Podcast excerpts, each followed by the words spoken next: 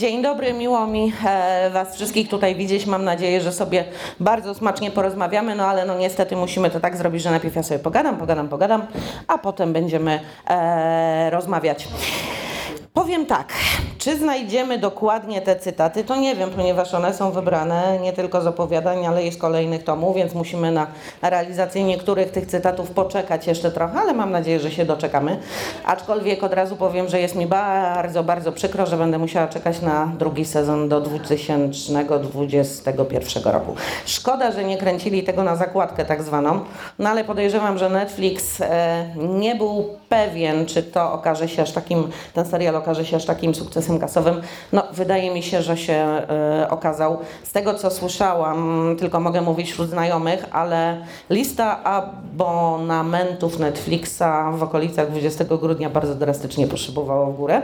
Tylko pytanie, ilu widzów zostanie generalnie z Netflixem, a ilu sobie wzięło, że tak powiem, na ten miesiąc, tudzież trzy miesiące testu, bo to było połączone z platformą. Nie będę tutaj żadnego lokowania produktu uskuteczniała. No, ile osób zostanie z Netflixem jako takim?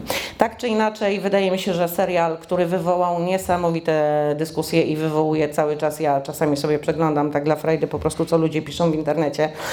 I to jest od sasa do lasa, że tak powiem, od pełnej euforii, aż po prostu do mm, no, hejtu takiego, że ojej, jej, jej.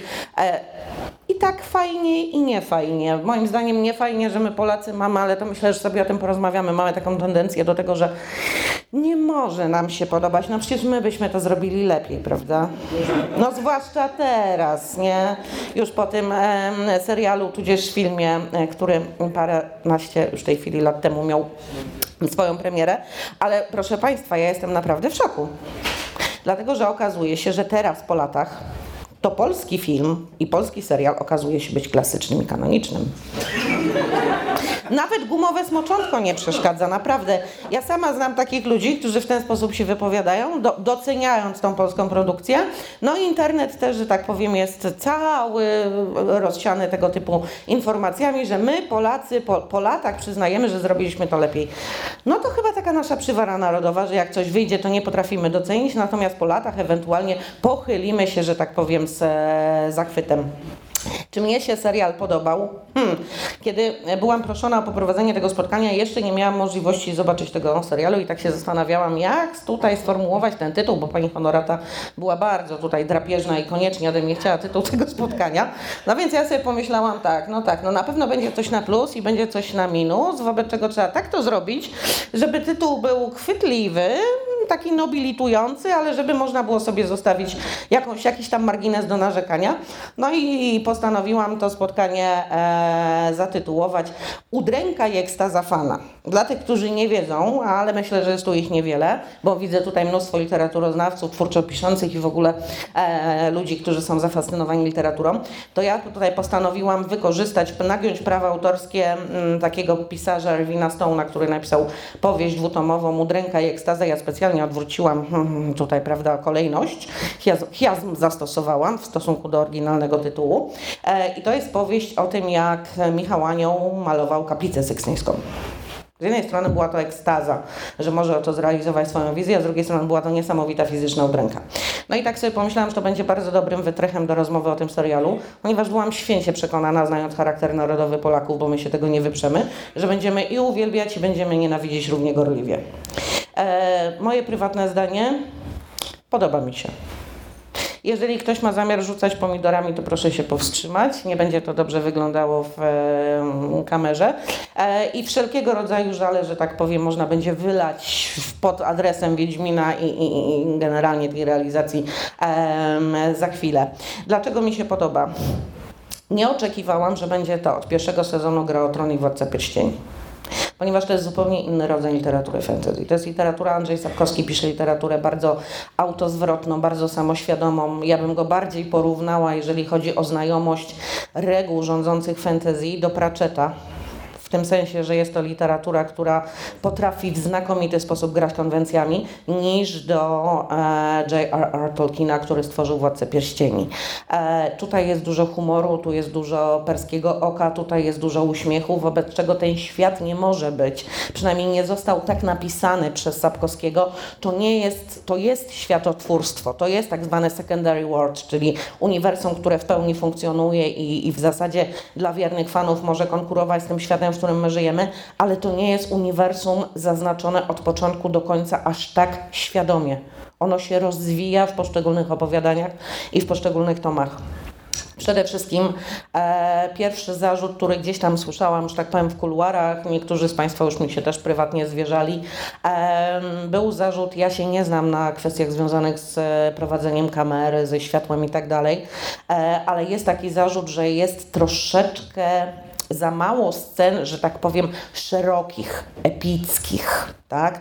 Rzeczywiście bitwa pod Soden można powiedzieć, że trochę trąci myszką w tym sensie, że jest bardziej kameralna niż mogliśmy ją sobie wyobrażać. E, podejrzewam, że większość e, widzów jest jednak ustawiona przez grę o tron i po prostu jak jest jakakolwiek bitwa, to musi być 15 tysięcy wojska na prawej flance i 30 tysięcy wojska w centrum, prawda? Mm, no cóż, to aż tak bardzo się chyba spektakularnie wojennie prowadzi.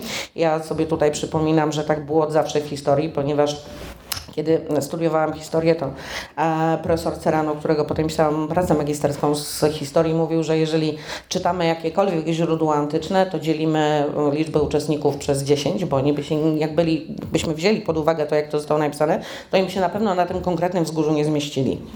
E, I mam wrażenie, że my po Grze o Tron, tudzież po Władcy Pierścieni jesteśmy właśnie absolutnie przyzwyczajeni do tego, że tam ma być po prostu, no pół świata ma się tłuc z drugą połową świata.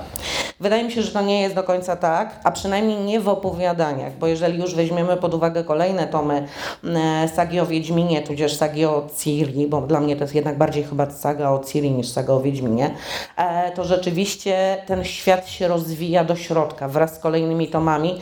Coraz ten konflikt zatacza szersze kręgi i to powoli takie malutka kuleczka przeznaczenia, która była związana z osobą Ciri, z osobą Geralta, ona się rozpędza jak burza śnieżna i wciąga w te, w te właśnie sidła przeznaczenia cały świat. I ten świat nam się rozszerza, więc nie oczekujmy, tak mi się przynajmniej wydaje, żeby w tym pierwszym sezonie, tudzież w opowiadaniach ten świat tak wyglądał.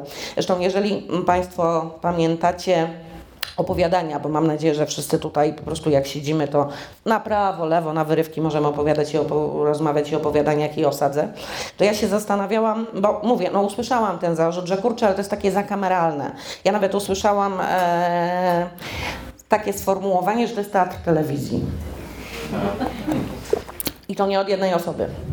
Tego typu, nawet w recenzjach, które e, sobie gdzieś tam śledziłam na tę okoliczność, pojawia się taka fraza, że to jest w zasadzie teatr telewizji. No ja jakoś teatr telewizji trochę inaczej kojarzę niż to, co dał nam Netflix, ale może się nie znam. No raczej miało to dotyczyć tego, że jest to właśnie zbyt wąskie ujęcia, że jest to za statyczne i tak dalej.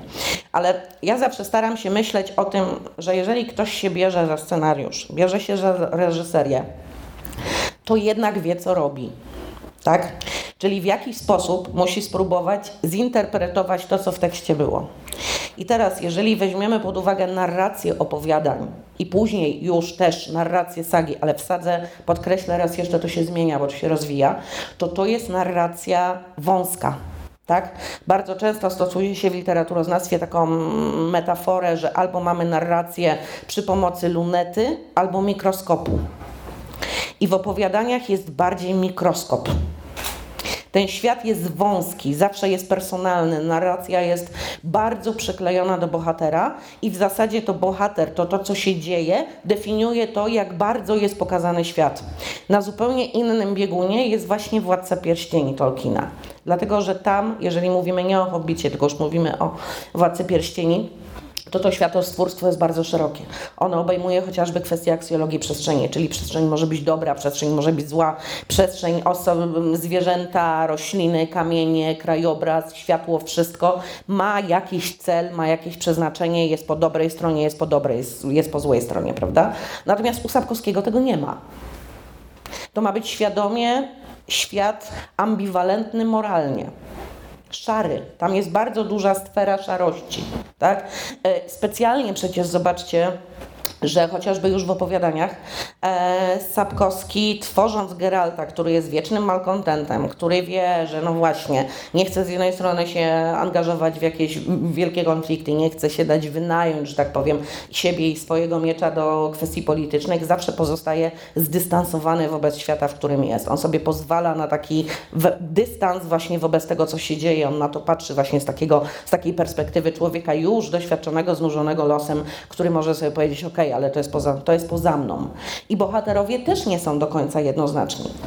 Wobec czego wydaje mi się, że to w jakiś sposób zostało to przedstawione w serialu, czyli właśnie na początku bardziej statyczne dwa odcinki, następnie to się wszystko zaczyna rozkręcać. Tu jest fajne wprowadzenie w świat. Na początek pokazanie właśnie tej ambiwalencji moralnej i to, że mm, moim zdaniem, gdyby nie fakt, że mamy tutaj bohaterów udzianych w e, zbroje, w skóry, miecze, to mamy do czynienia de facto z naszym światem.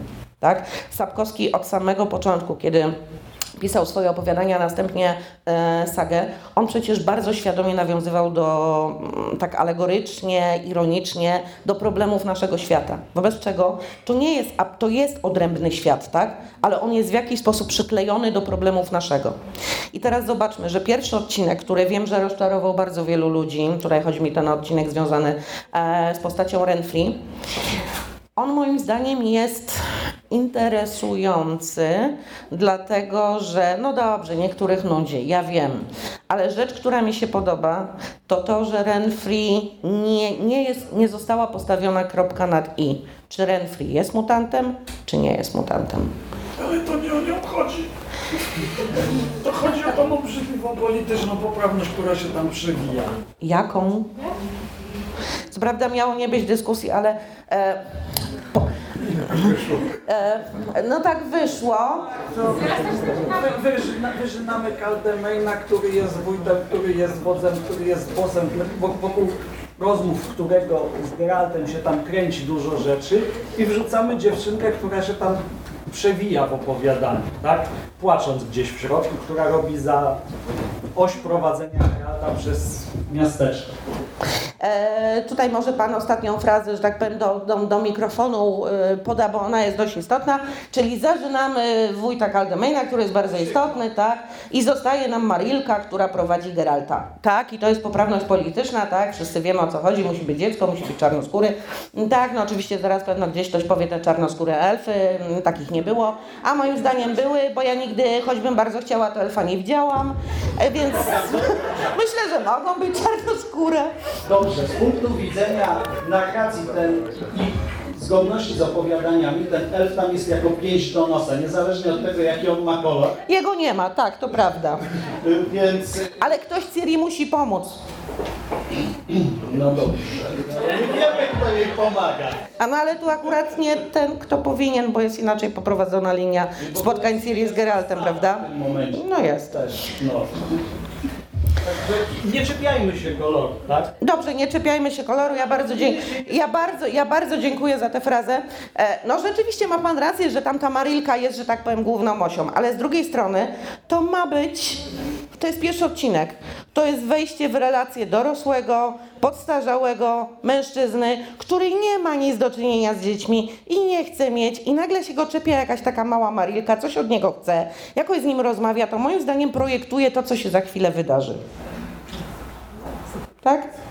Moim zdaniem to właśnie w ten sposób, moim zdaniem to właśnie w ten sposób wygląda. Ta Marilka, y, zobaczmy zresztą, że ona w bardzo fajny sposób, wydaje mi się, pokazuje nam, od razu wchodzimy, tak, ma Pan rację, jest poprawność polityczna, ale z drugiej strony wchodzimy ten, ten świat szarości, bo Marilka, która przyznaje się, że zabija psa, zabija kota, po to, żeby dostarczyć z truchełka, że tak powiem, strygoborowi, no tak, rzuca szczura, to od razu, aha, czyli to nie jest świat z takimi przedfreudowskimi, idealnymi, niewinnymi dziećmi. Oj, to się będzie działo. Więc moim zdaniem to ma jakiś sens. Podobnie ma sens moim zdaniem, bo też słyszałam takie zarzuty, rzeczywiście postać e, Renfrey, no dobrze, przede wszystkim nie jest ta historia idealnie dokładnie opowiedziana, ale to nie może być jeden do jednego, umówmy się, nie da rady. Ja bym wysiedziała przed telewizorem, ale nie wiem, czy większość by wysiedziała, gdyby to było 100 odcinków na przykład, prawda? E, ale ta kwestia tego, że właśnie tak jak powiedziałam, nie jest sprecyzowane, czy tak podobnie jak w opowiadaniu, czy Renfrey jest mutantem, czy nie jest mutantem, tutaj jest to jeszcze mocniej podkreślone. tak? Jest to wahanie. I ono jest moim zdaniem bardzo istotne dla rozwoju tej linii, którą postanowili scenarzyści wyeksponować, czyli tego, że Geralt jest wciągany w przeznaczenie, nie wiedząc o nim. On, kiedy on w trzecim, czwartym odcinku prosi o dziecko niespodziankę, to on to mówi na odczepnego. Tak? Kompletnie na odczepnego. Na zasadzie, no dobra, czego się do mnie oczekują, okej, powiem. I całe, jak gdyby ten pierwszy sezon jest pokazany, jest y, y, tak poprowadzony, żeby pokazać, że z przeznaczeniem się nie igra. Nawet sami uczestnicy przeznaczenia nie mogą się, że tak powiem, od niego zdystansować. I Renfrey, która mówi w tych ostatnich, e, ostatnich słowach, jeszcze wcześniej w tej scenie z lasu, pamiętaj o dziewczynkę, znajdziesz ją w lesie i tak dalej, moim zdaniem tego nie ma w tekście, ale to ma sens, bo chodzi o to, żeby doprowadzić widza już w pierwszym odcinku do tego, co będzie clue całego i sezonu, i całego przedsięwzięcia. Dlaczego stwierdziłam, że tutaj jest to większe wahanie, że tak powiem, e, no, epistemologiczne, wręcz metafizyczne, czy Renfrey jest mutantem, czy nie. Dlatego, że jeżeli ktoś bardzo dokładnie nie śledził tego odcinka, to może nie zwrócić uwagi na to, że Geralt, który przyszpila w którymś momencie podczas walki Renfrey, wyciąga srebrny miecz. Tak? Potwory nie znoszą srebra. Renfrey ma przyłożony srebrny miecz do szyi i nic jej się nie dzieje. Wobec czego jest tutaj takie, no dobrze, tak? Ale tu możemy sobie naprawdę spróbować to wyinterpretować. Ona nie jest prawdopodobnie mutantem, nie mamy do końca tej pewności, ale jednak jest gdzieś w niej moc, tak? Moc nieoswojona. Takie sugestie też są zresztą w opowiadaniu, że Renfrey nie jest typowym przeciwnikiem e, Geralta. Dzisiejsza młodzież. Ta dzisiejsza młodzież. Nie wiem, czy to potraktować jako komplement, bo ja też jestem młodzież w tym momencie, choć już od paru dekad nie jestem. Czy jak to zinterpretować? Zawieszę to elegancko. Paskudny cytat spóźnił. Wiem, wiem, ale próbuję podkręcić to spotkanie. E, dobrze, jeżeli już tak żartujemy, to ja bardzo żałuję, że się jednakowoż nie udało stwierdzić, czy ma batystową bieliznę, czy nie. Bo to jest taki. Tak, to, to jeden z ciekawszych problemów, który dręczy ludzkość. Czy Renfri miała batystową bieliznę, czy też nie? Miała, ale widział ją pan na serialu, w serialu? Nie. A, no właśnie. Tego wątku nam niestety e, poskąpiono. E, Okej, więc moim zdaniem ten właśnie zarzut pana, że no rzeczywiście przesterowano, że tak powiem, oś narracji w kierunku Marylki, a nie wójta, może być negatywnie odebrany, ale moim zdaniem w całości, że tak powiem, e, poprowadzenia linii e, scenariusza się w jakiś sposób broni. Mówię, to nie będzie nigdy jeden do jednego. Te rozmowy z Kandelmainem są świetne, ale jeżeli już są zarzuty związane z tym, że to jest ta telewizja i tylko siedzą, gadają, siedzą, gadają, siedzą, gadają, to jakby jeszcze bardziej gadali, to tych zarzutów byłoby jeszcze moim zdaniem e, więcej. E, następnie po, od razu powiem na początku, odszczekuję. Geralt jest świetny. Henry Cavill. Bałam się, naprawdę się bałam, bo widziałam tego idealnie gładkiego Supermana, ale czegoś nie robi e, stylizacja i charakteryzacja. I naprawdę Henry Cavill jest Geraltem. Słyszałam nawet e, w jednym wywiadzie, nie jestem w stanie tego stwierdzić, nie wiem czy to jest PR, czy, czy, czy faktycznie, ale podobno Henry Cavill e, został aktorem, żeby zagrać Geralta. Jeżeli tak, to super, bo mu się udało. On jest Geraltem. E, naprawdę jest, mam wrażenie, w tej roli znakomity i tego, hmm, które jest w tej chwili bohaterem niezliczonej wręcz e, ilości memów w internecie. No, jest po prostu fajnym, fajnym e, zabiegiem aktorskim. Jeżeli chodzi o całość scenariusza, jest tam oczywiście mnóstwo przesunięć. Nie wszystkie zyskują moją aprobatę, eufemistycznie rzecz ujmując, ale ja się jednak, tak jak mówiłam, zazwyczaj staram znaleźć ten powód, dla którego scenarzyści no, postanowili tak, a nie inaczej poprowadzić e, pewne postaci. Zacznę może od Fingillivigo, ponieważ tutaj mogę powiedzieć, że byłam prorokiem E, lata, no, lata temu, no jeżeli mamy teraz 2020, to tak już dwa lata temu byłam prorokiem, e, kiedy byłam poproszona o wygłoszenie jakiegoś komentarza a propos no, zapowiedzi, że Netflix bierze się za ten serial, ujawniono obsadę, no i tak sobie patrzę, Fringilla Vigo, hmm, przepiękna kobieta, aczkolwiek czarnoskóra. No mówię, no... Bo oryginale miała rzeczywiście oliwkową cerę, zielone oczy, których nie zauważyłam, no ale nie, nie, nie, nieistotne. Ale zaczęłam się zastanawiać, czy to czasami nie zwie scenarzystów, no i niestety miałam rację. To znaczy, mm, zjadł ich moim zdaniem stereotyp rasowy. To znaczy, ja się bałam tego od samego początku, że jeżeli Fringilla jest czarodziejką z Nilfgardu, aczkolwiek my doskonale wiemy po przeczytaniu proz Andrzeja Sapkowskiego, że ona przystępuje do loży, że ona nie jest wierno poddaną czarodziejką e, cesarza Mirewanem Rejsa, tylko wręcz będzie knuła, że tak powiem, e, z lożą czarodziejek e, zachodu ponieważ czarodzieje mają dość polityki i postanawiają sami kreować politykę, no to jednak ta czarnoskóra, przepiękna aktorka mówi, kurczę, czy oni czasem nie zrobią z niej takiej czarnej, metaforycznie figury. No i niestety miałam rację, bo poszło takie skojarzenie, że Nilfgaard jako oś zła, i czarnoskóra Fringilla, która jest na tyle słaba psychicznie, że dała się temu uwieść. Ona wręcz staje się tutaj absolutną femme ponieważ ona zdaje się być osobą, która wręcz dąży do konfliktu, która napędza ten konflikt, tak? Chociażby ona umacnia Kahira, to też bardzo dziwna kreacja, umacnia Kahira w tym, żeby w ogóle, no tego nie jestem w stanie e, zrozumieć, umacnia Kahira właśnie w tym, żeby, e, żeby Ciri e, śledzić. Troszeczkę moim zdaniem się Autorzy scenariusza wybronili pokazaniem personalnego konfliktu pomiędzy Fringillą a Yennefer. On jest absolutnie niekanoniczny. Tak? Tego w ogóle nie ma w, nie ma w powieściach. Co więcej, przecież my nie, na podstawie twórczości Andrzeja Sapkowskiego nie można powiedzieć, że Fringilla studiowała w Ertuzie tak? No, tutaj studiowała, dobrze, niechaj będzie. Eee, jest pokazany ten konflikt bezpośredni pomiędzy Yennefer a pomiędzy Fringillą, czyli w zasadzie tak jak Fringilla zarzuca Yennefer, to ona z niej stworzyła tą złą personę, ponieważ to ona ją pchnęła w objęcia cesarza Nilfgardu, prawda? No i poszło o Edirn, bo ona chciała być tam czarodziejką. No tutaj przez ten wątek moim zdaniem zawsze, jeżeli się robi tego typu przesunięcia, to zawsze pod dodanie tak zwanego backgroundu osobistego jest, no, jest po prostu metodą na uwiarygodnienie tego tego. Ale rzeczywiście Fringilla, no kreacja Fringilli jest tutaj moim zdaniem absolutnie zaskakująca i powiem tak, ja mam dość bogatą wyobraźnię, ale nie potrafię sobie tutaj na bazie wątku Fringilli wyobrazić dwóch scen, po pierwsze sceny w bibliotece, którą uwielbiam. To znaczy nie wiem, co by się musiało stać, żeby Geralt nagle poczuł, że tak powiem, pociąg seksualny do Fringilli, żeby pomiędzy nimi był tak płomienny romans, jak to, w, jak to w piątym tomie miało miejsce. A po drugie, nie jestem sobie na razie w stanie wyobrazić, ale może to, może to kwestia, że tak powiem, Dantego i boskiej komedii końca, a dalej fantazja moja nie nadąży, no przepraszam, tego w jaki sposób Kahir przystępuje do drużyny. Na razie tego nie widzę. Tutaj będzie musiała być zrobiona jakaś absolutnie gigantyczna wolta, żeby, nie wiem, Kahira czy głowę kamień trafi, czy coś, jakieś czary, cokolwiek, żeby on nagle porzucił tę ścieżkę zła, prawda, i postanowił jednakowoż Ciri ratować razem z Geraltem. No dobrze, czekam na to, co scenarzyści tutaj, że tak powiem, e, wymyślą.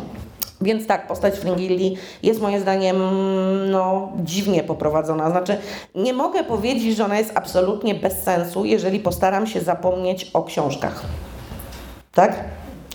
Ona ma jakiś potencjał, ale jeżeli mówimy o tym, w jaki sposób to zostało opisane, to tutaj to przesunięcie jest naprawdę bardzo duże.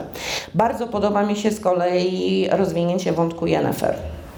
E, ja sama rozmawiałam z ludźmi, którzy widząc chociażby zwiastun, a nie czytali wcześniej, mówili do mnie, słuchaj, ale przecież Jennifer to miała być taką piękną kobietą, a tam jest pokazana taka jakaś garbuska, jakiś taki, taki wystroż, to w ogóle co to jest?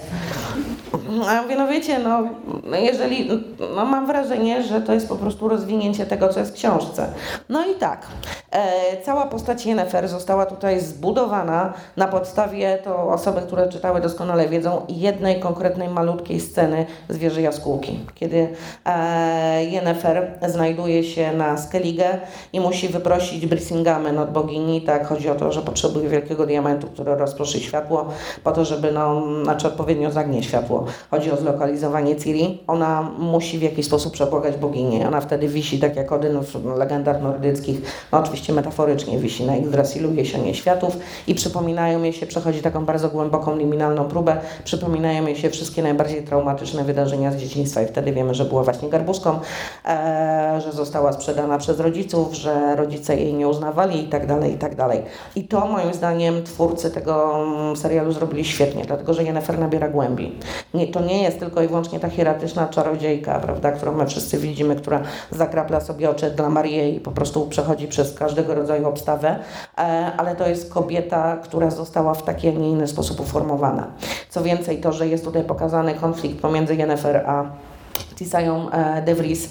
Można go mniej więcej gdzieś między wierszami wyczytać z, z sagi. To jest ta słynna scena w e, łaźni, kiedy mm, czarodzieje i czarodziejki jadą na zjazd w Eretuzie, no i właśnie tam dziewczyny, dziewczyny, przepraszam, że tak mówię, czarodziejki, e, przyjaciółki, no starają się zirytować swoją dawną rektorkę, czyli Tisaję de Vries. Można gdzieś tam to podskórnie wyczytać, ale tutaj moim zdaniem też to było potrzebne, mm, pokazanie tego konfliktu e, pomiędzy Yennefer a Tisają, dlatego że Yennefer, jednak jeżeli spojrzymy na to z punktu widzenia sagi, to na w którymś momencie de facto zdradza cały system magii, wierność królom i zdradza tak naprawdę całą Aretuzę, tak, opiekując się Ciri. Więc tutaj znowu zostało to w jakiś sposób, że tak powiem, przez ten wymiar personalny e, zwiększone. E, trochę żałuję, że nie został ujęty jeden z moich ulubionych e, takich rysów charakterologicznych, bo Sapkowski ma moim zdaniem genialną zdolność, jak mm, prowadzę zajęcia na twórczym pisaniu, to też się staram to studentom przemycić, że każdy bohater powinien mieć jakąś taką skazę, jakąś taką cechę, która go wyróżnia, charakteryzuje, sprawia, że on, ona po prostu nam zapada w pamięć. I pamiętamy, że w sadze Tisaya de Vrisi ma, y, jest obsesyjno-kompulsywna, jeżeli chodzi o sprzątanie, mankiety, układanie, wszystko musi być idealne, prawda? Tutaj tego nie ma, trochę, trochę, tego, e, trochę tego żałuję. E, rozwinięcie wątku pomiędzy Yennefer a Istredem,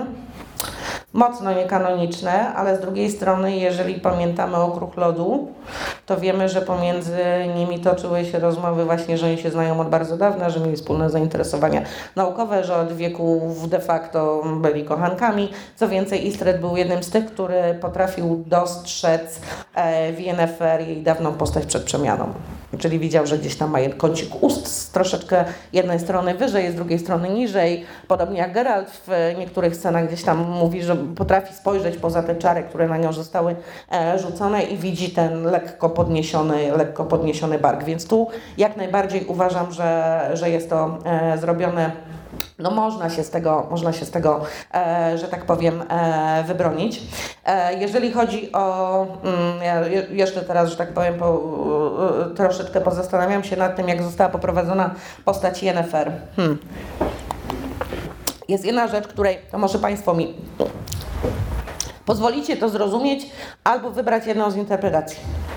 Bo my wiemy doskonale po lekturze, e, że największą bolączką Yennefer była jej bospłodność.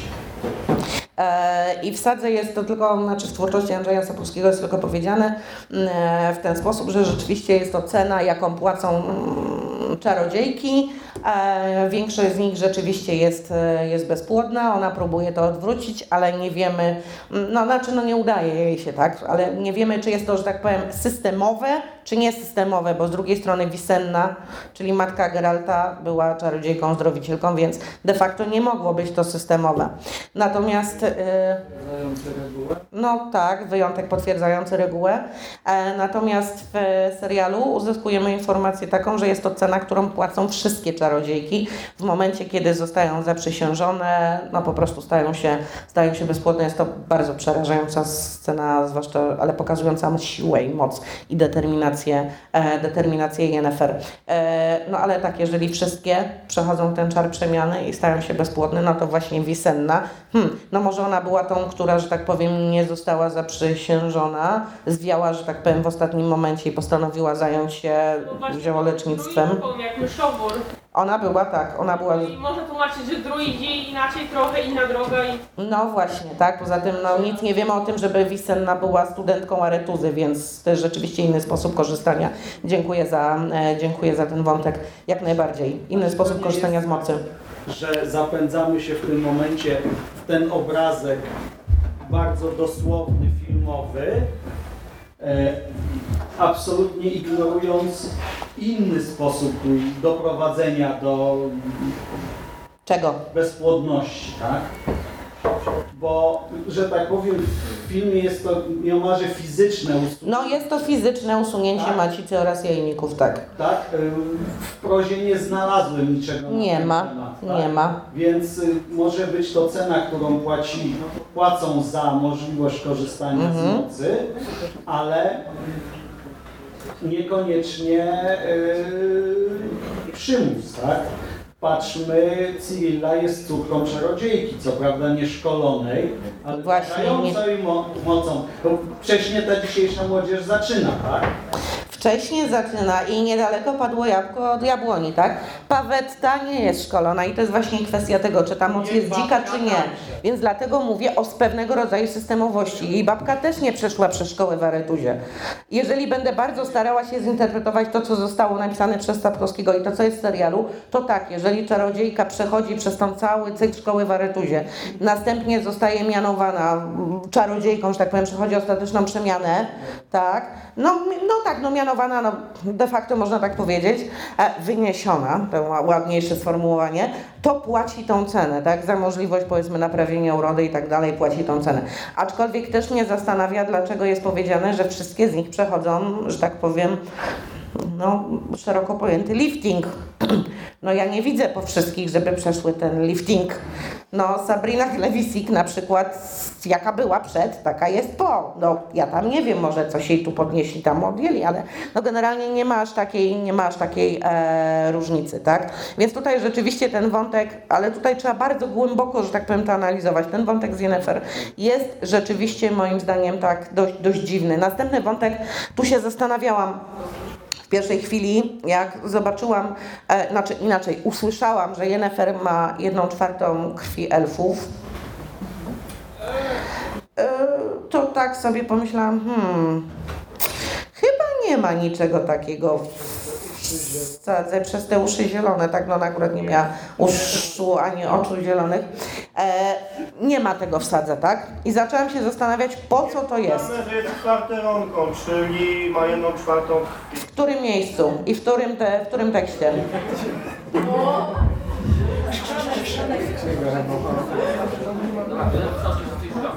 teraz sobie nie przypomnę, bo No, widzi pan, to jakby sobie pan przypomniał, to niech mi pan napisze maila, bo ja to znam w prawo, lewo, od lewej strony, od, może mnie pan w środku nocy obudzić i nie jest nie to... zgodzę się. Dobra, w porządku. Znaczy, no co, nie zgodzi się pan, że mnie pan nie obudzi w nocy, okej. Zgadzam się, nie dam się. Eee, gdyby jednakowoż pan to przyszpilił tekstowo, to poproszę o informację. Mnie się wydaje, że nie jest to, ale no dobrze, no nie będę aż tak zasadnicza. No, e, mam pe- to tak, mam pewne wątpliwości, czy rzeczywiście Jennifer jest kwateronką, ale gdyby, wydaje mi się, że nie jest, ale mm, nie, nieważne. E, Cyrilla na pewno, natomiast Jennifer niekoniecznie. E, natomiast gdyby, mm, gdyby tak było, to tak czy inaczej, ten wątek moim zdaniem jest potrzebny i jest tutaj sensownie rozwiązany. W momencie, w którym okazuje się po pierwsze, że to Yennefer ma być później tą, która kształci Ciri. Jeżeli Ciri ma krew elfów, to znaczy, że ona w troszeczkę inny sposób, jak to zostało generalnie przez Sapkowskiego wykrenowane, ona w troszeczkę inny sposób korzysta z magii, tak? To znaczy magia jest w niej bardziej żywa. Ale z drugiej strony również zwróćcie uwagę na tą e, scenę bitwy pod Soden. Yennefer jest jedyną osobą, która potrafi odbić kule ognia wysłane przez czarodziejów z Nilfgaardu. Wysłanie kuli ognia, w ogóle wygenerowanie tej kuli ognia powoduje, że czarodzieje giną. Tutaj oczywiście świetnie zrobiona scena pokazująca de facto totalitarny system, który panuje w e, Nilfgaardzie. I Yennefer jako jedyna potrafi to odbić. Potem Yennefer no, korzysta z magii ognia, podczas gdy tutaj w sadze jest powiedziane, znaczy w serialu, przepraszam, jest powiedziane, ale w sadze też pojawiają się takie delikatne sceny, kiedy Yennefer uczy Ciri korzystania i czerpania z mocy. Mówi jej, że magia ognia de facto jest zabroniona ona jest niebezpieczna.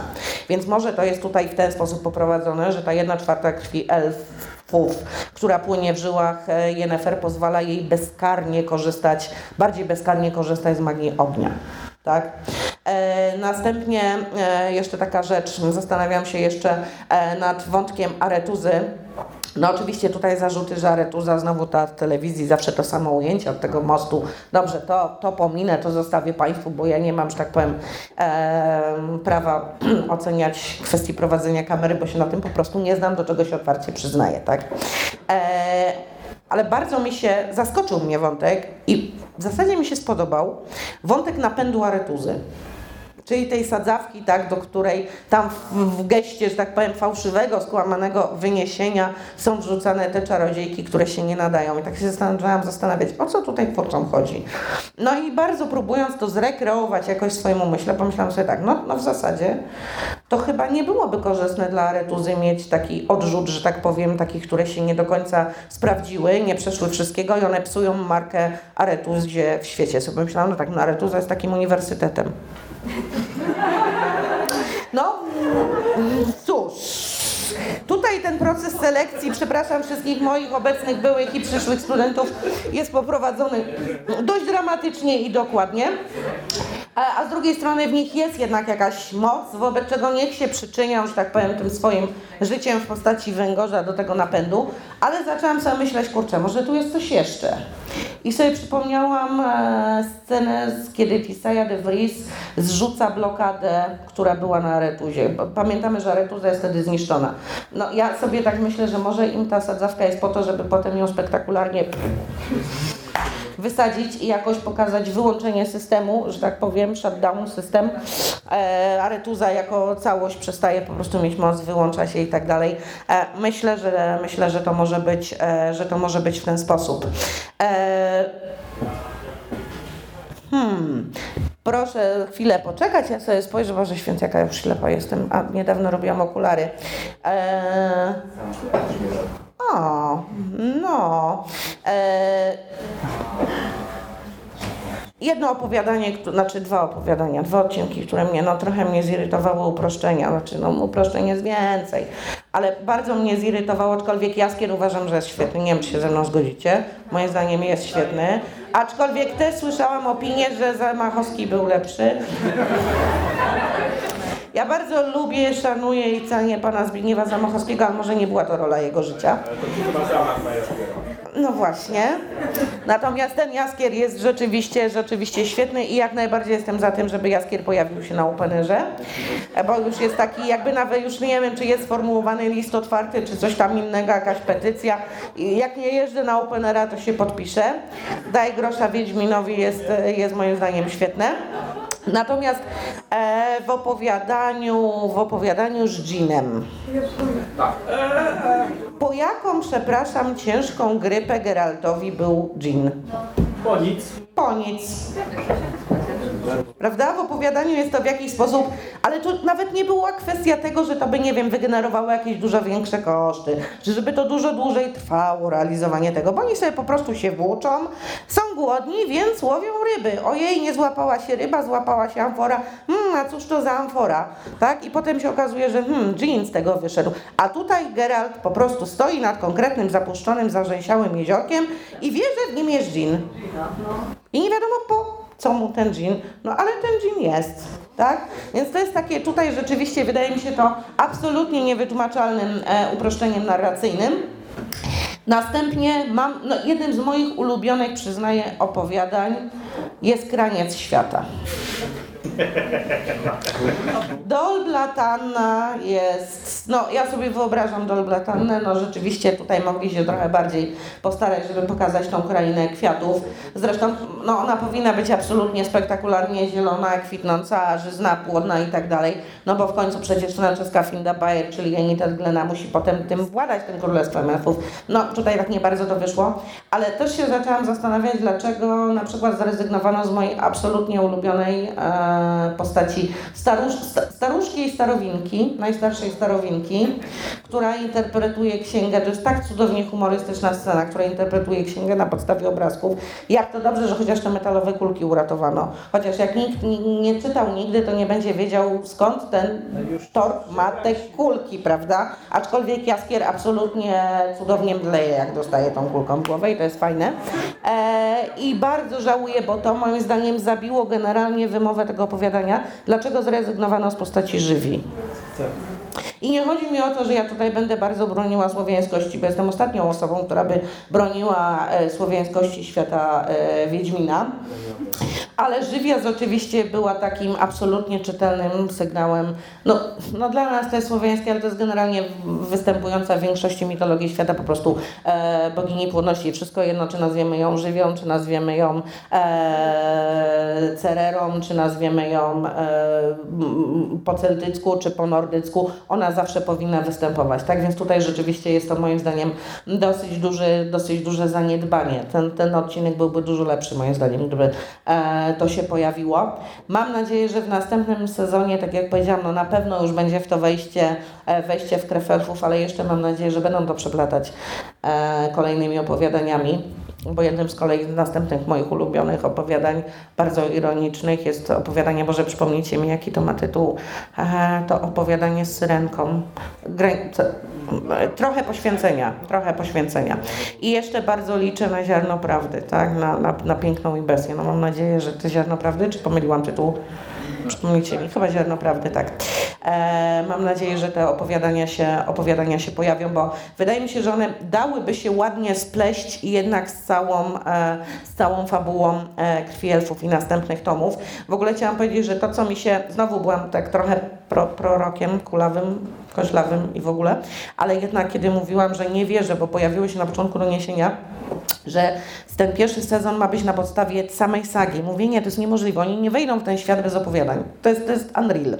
No i rzeczywiście, ale wydaje mi się, że fajnie jednak próbowano spleść opowiadania z tym, co już się dzieje w sadze, tak? Czyli połączyć, że tak powiem, trochę pożenić wodę z ogniem bo jedne, bo wyjęto takie wątki e, w opowiadaniach, zresztą dokonując tam koniecznych zmian, żeby już naprowadzić na tą właśnie e, ścieżkę, która pojawia się, e, pojawia się w których, w konkretnych tomach. Więc no, zastanawia mnie tylko troszeczkę ostatnia scena, jaki tutaj będzie przeskok, w którym Cyrilla ląduje na pustyni. No, ja kojarzę, że ona ląduje na Korat, ale to jest dużo, dużo, dużo później. No może ląduje na kilku pustyniach według twórców scenariusza, no już nie bądźmy takimi purystami, tak, no, no, no, no okej, zobaczymy. Eee, jeszcze jedna, że tak powiem, postać, o której muszę, muszę coś powiedzieć, na, a nawet dwie, a nawet trzy, przepraszam. Nie, no, znaczy tak idąc... Prawda? Tak, no do czterech myślę, że też, e, też dojdziemy. E, zacznę od Tris Marigold. Dlaczego ona, znaczy jest piękna, ale dlaczego ona wygląda zupełnie inaczej niż powinna wyglądać? Bo jest brzydka. O, proszę pana, nie ma kobiet brzydkich, ewentualnie są zaniedbane i niedocenione. Tak powiadają, ja się zawsze tym wybraniam. E, Okej, e, nie wiem dlaczego Tris zrobiono taką, a nie inną. Naprawdę nie wiem. Nie wiem dlaczego zrezygnowano z tego wątku. Ja wiem, że on byłby traumatyczny, ale tam akurat okrucieństwa było dosyć sporo. Dlaczego zrezygnowano z tego wątku, że ona po bitwie pod Sodem traci włosy? Prawda? Nie wiem. Może znowu był to psztyczek w, psztyczek w nos fanów gry, ponieważ wiemy, że Tris jest od początku opisywana jako młodziutka, piękna, dość swawolna dziewczyna, em, rudowłosa, szczupła i tak dalej, i tak ale jednak jej wizerunek przede wszystkim, że tak powiem, utrwalił się w grze, a w grze to jej drugorzędne walory płciowe były dość mocno przerysowane i może dlatego twórcy tego serialu postanowili nie iść tą drogą, nie wiem, może Jennifer by gorzej wyglądała, aczkolwiek Jennifer moim zdaniem jest bardzo tutaj piękną kobietą, e, no ale no rzeczywiście nie da się Tris poznać, tak, dopóki nie pada imię Tris, to my widzimy jakąś bohaterkę, jakąś czarodziejkę, ale no nie, nie, nie domyślimy się, że jest to, że rzeczywiście jest to Tris. Następnie Ciri, ja się strasznie głęboko, bo to jest, przyznaję, mój konik, Ciri musi mieć zielone oczy. Ona nie ma zielonych oczu. Ale ja się bardzo, prawie że tak weszłam w telewizor, żeby patrzeć. Nie, oczywiście żartuję. Jej oczy zielenieją w momencie, w którym przepływa przez nią moc. Jakby ktoś miał wątpliwości, to proszę na to zwrócić uwagę. Rzeczywiście jest pokazane, jej kolor oczu się zmienia w tym momencie. No taki, taki fajny, e, fajny zabieg. Wilgefortz. Co tu robi Wilgefortz? Knuje. Nie no, knuje, ale na razie Diablo nieudolnie. Czemu on jest takim frajerem? Właśnie, prawda? Ale To- czytałem teorię na internecie, że on specjalnie się podkładał, żeby zwrócić uwagę Yennefer, żeby Nilfgaard łatwiej mógł dostać się do tej twierdzy. A, żeby Nilfgaard mógł łatwiej zdobyć Soden, tak? Że on się specjalnie podkładał, żeby Yennefer była zajęta i żeby nie przekazywała informacji, gdzie są oddziały Nilfgaardu reszta. Może tak być. Zabija, to prawda. Przypomnijcie mi, Wilgefort walczy z Kahirem, czy on z kimś innym walczy? Z Kahirem, właśnie. No walczy rzeczywiście trochę nieudolnie. Trochę za bardzo, że tak powiem, pozwala. A czy to, to, to, no to. I to znowu jest rys, którego potem Wilgeforcu moim zdaniem nie ma charakterologiczny. Bo o Wilgeforcu można powiedzieć, że jest absolutnym mistrzem zła, ale nad emocjami panuje w sposób doskonały. Natomiast tutaj rzeczywiście podczas tej walki daje się powodować emocjom. Poza tym no jest powinien być znakomitym wojownikiem, ponieważ de facto z sagi możemy wyczytać informację, że on jest odrzutem, że tak powiem, z Morhen. No wklepał Geralt. No wklepał Geraltowi, tak? Co prawda Geralt był już wtedy mocno potłuczony, no ale no, jednak wklepać Geraltowi to nie jest proste, prawda? E, no więc tutaj się zastanawiam, dlaczego może rzeczywiście tak jest, że on jest aż tak będzie poprowadzony w tym kierunku, że on jest aż takim absolutnym mistrzem zła, że na początku robi z siebie taką trochę sierotkę Marysię. No, no trickster na całego, tak? No okej, tą teorię kupuję. To ma sens. Rzeczywiście to ma sens. Ja też tak zaczęłam myśleć w tym kierunku, bo on musiał rzeczywiście zająć, e, musiał zająć e, INFR. O, mówiłam, że nie będę opowiadała o kwestiach opera, operowania kamerą, bo się na tym nie znam. Ale powiem, że brakowało mi, tak strasznie chciałam, jak zobaczyłam, jak to jest prowadzone, że była taka jedna scena, ale jej nie było. Znaczy jej wcale nie ma, ale mm, tak sobie pomyślałam, że fajnie by było. E, nie, chodzi mi o bitwę pod Sodem, w momencie, w którym Yennefer jest ustawiona przez Tisaję jako widząca. Kurczę, dlaczego nie zrobili czegoś na kształt fantasy, ale raport mniejszości i nie pokazali, jak plany odjeżdżają się, zwiększa luneta do mikroskopu, ona widzi perspektywę, przełącza, widzi tego, widzi tamtego. To jest, to, to jest tak trochę, no, no mo- mogło to być moim zdaniem lepiej zrobione, a poza tym, gdyby to tak poprowadzono, no to ta postać Yennefer to już w ogóle byłaby wow. Bo e, powiem tak, do momentu bitwy pod Soden, do momentu, kiedy okazuje się, że Yennefer odbija tę kulę ognia, a następnie potrafi tę no, no, niesamowitą nawałnicę płomieni spowodować, to ja nie widziałam, tylko i wyłącznie wyłączając generalnie znajomość twórczości Sapolskiego, nie widziałam tego, co widziała w niej Tisaja. Czyli dlaczego ona ma być aż tak wyjątkowa, silna i tak dalej, prawda? No chyba tylko przez ten, to swoje, że tak powiem, doświadczenie życiowe. To, że, no to, że ona musi, że tak powiem, pokonać w sobie mnóstwo własnych demonów. E, ale w momencie, w którym no właśnie ona pokazuje, co potrafi podczas bitwy pod Soden, to jest moim zdaniem to e, fajnie zobrazowane, zwłaszcza, że Tisaya jej wtedy mówi, no dobra, to teraz uwolnij swoje demony. Już się nie musisz kontrolować, prawda? E, I to jest, e, i to jest e, fajne. Generalnie moim zdaniem serial na plus. Obejrzałam to w jednym ciągu. Tutaj też słyszałam takie zarzuty, znaczy może nie zarzuty, ale takie pytanie mm, o- od jednej osoby, z którą rozmawiałam wcześniej, a dlaczego nie było efektu oczekiwania, dlaczego Netflix uwalnia cały sezon? No ja to akurat uwielbiam, no taka głęboka imersja. Nie muszę sobie przypominać przed kolejnym odcinkiem i mogę funkcjonować normalnie, bo się nie zastanawiam, co się wydarzy i, i, i widzę to wszystko, e, widzę to wszystko od razu. Także ja widziałam ten serial na razie dwa razy. E, Jeżeli chodzi o dubbing, bo też może się pojawić pytanie z Waszej strony o dubbing. Oglądałam na początku wersję oryginalnej, bo ja zawsze staram się oryginalnej wersji oglądać, o ile oczywiście znajomość językami na to e, pozwala. No norweskiego bym nie obejrzała wersji oryginalnej, na przykład serialu. E, no i mam, Znaczy, okej, jak ktoś lubi wersje dubbingowane, to w porządku, ale Żebrowski daje radę. Moim zdaniem do, głosowo, że tak powiem, dorósł do roli Geralta. I głosowo jest Geraltem lepszym niż był w serialu Geraltem Geraltem. Tak? Wydaje mi się, że świetnie po prostu oddaje tą... No musiał dojrzeć, no facet, przepraszam, jak zaczyna mieć tak w okolicach po 40, to widać po jego głosie i po wszystkim doświadczenie życiowe. Wcześniej był za młody na Geralta, po prostu. E, I dlatego tak to, i dlatego tak to e, wyglądało. E, Okej, zastanawiam się, czy jeszcze jest coś, co bardzo bym Wam chciała po powiedzieć, zanim zaczniemy sobie rozmawiać. Nie, po, generalnie mi się naprawdę, naprawdę mi się ten serial podobał. Jak Ben, Słucham? Nie słyszę Pana. jak Ben Zigrin. No Jarpen Zigrin jest fajny. Gdzie? Dlaczego gdzie? Ja bym się czepiał inne postacie poboczne z tego odcinka. Tak.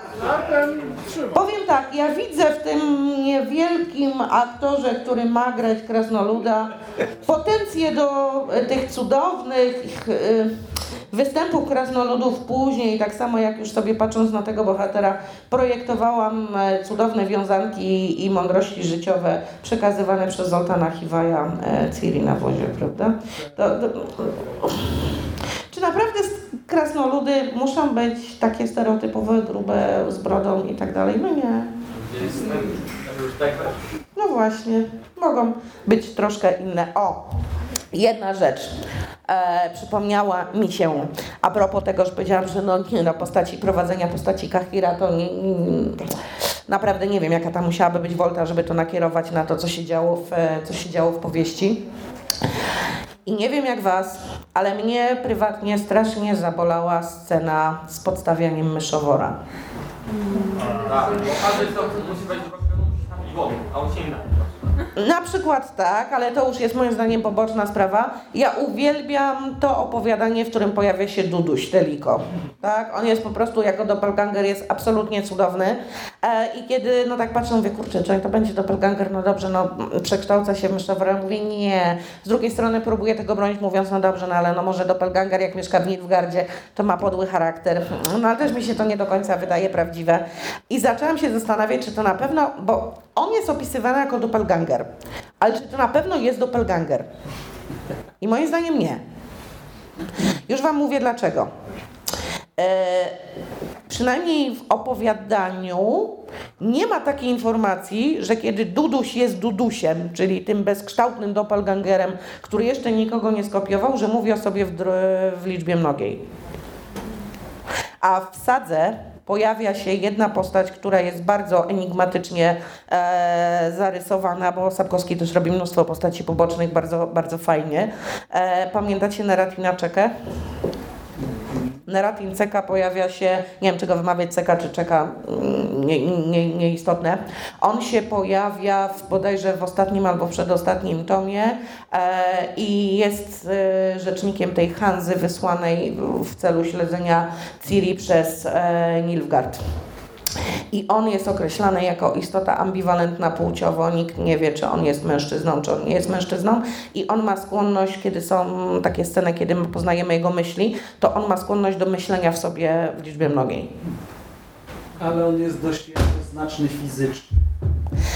A to nie jest tam dokładnie powiedziane.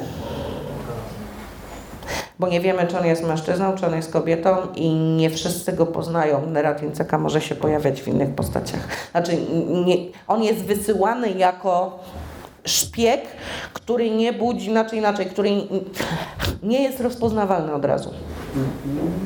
Więc wydaje mi się, że to może być Neratin Ceka. Bo tam jest kilka takich ujęć, że ktoś roz, potem się dowiaduje, że rozmawiał z Neratinem Ceką, ale oni nie potrafią uzgodnić tak naprawdę, jak on wyglądał. Więc ja na razie, dopóki to nie zostanie w jakikolwiek sposób przyszpilone, to ja wolę myśleć, że to jest Neratin, niż że to jest doppelganger. Bo ja doppelgangery bardzo lubię.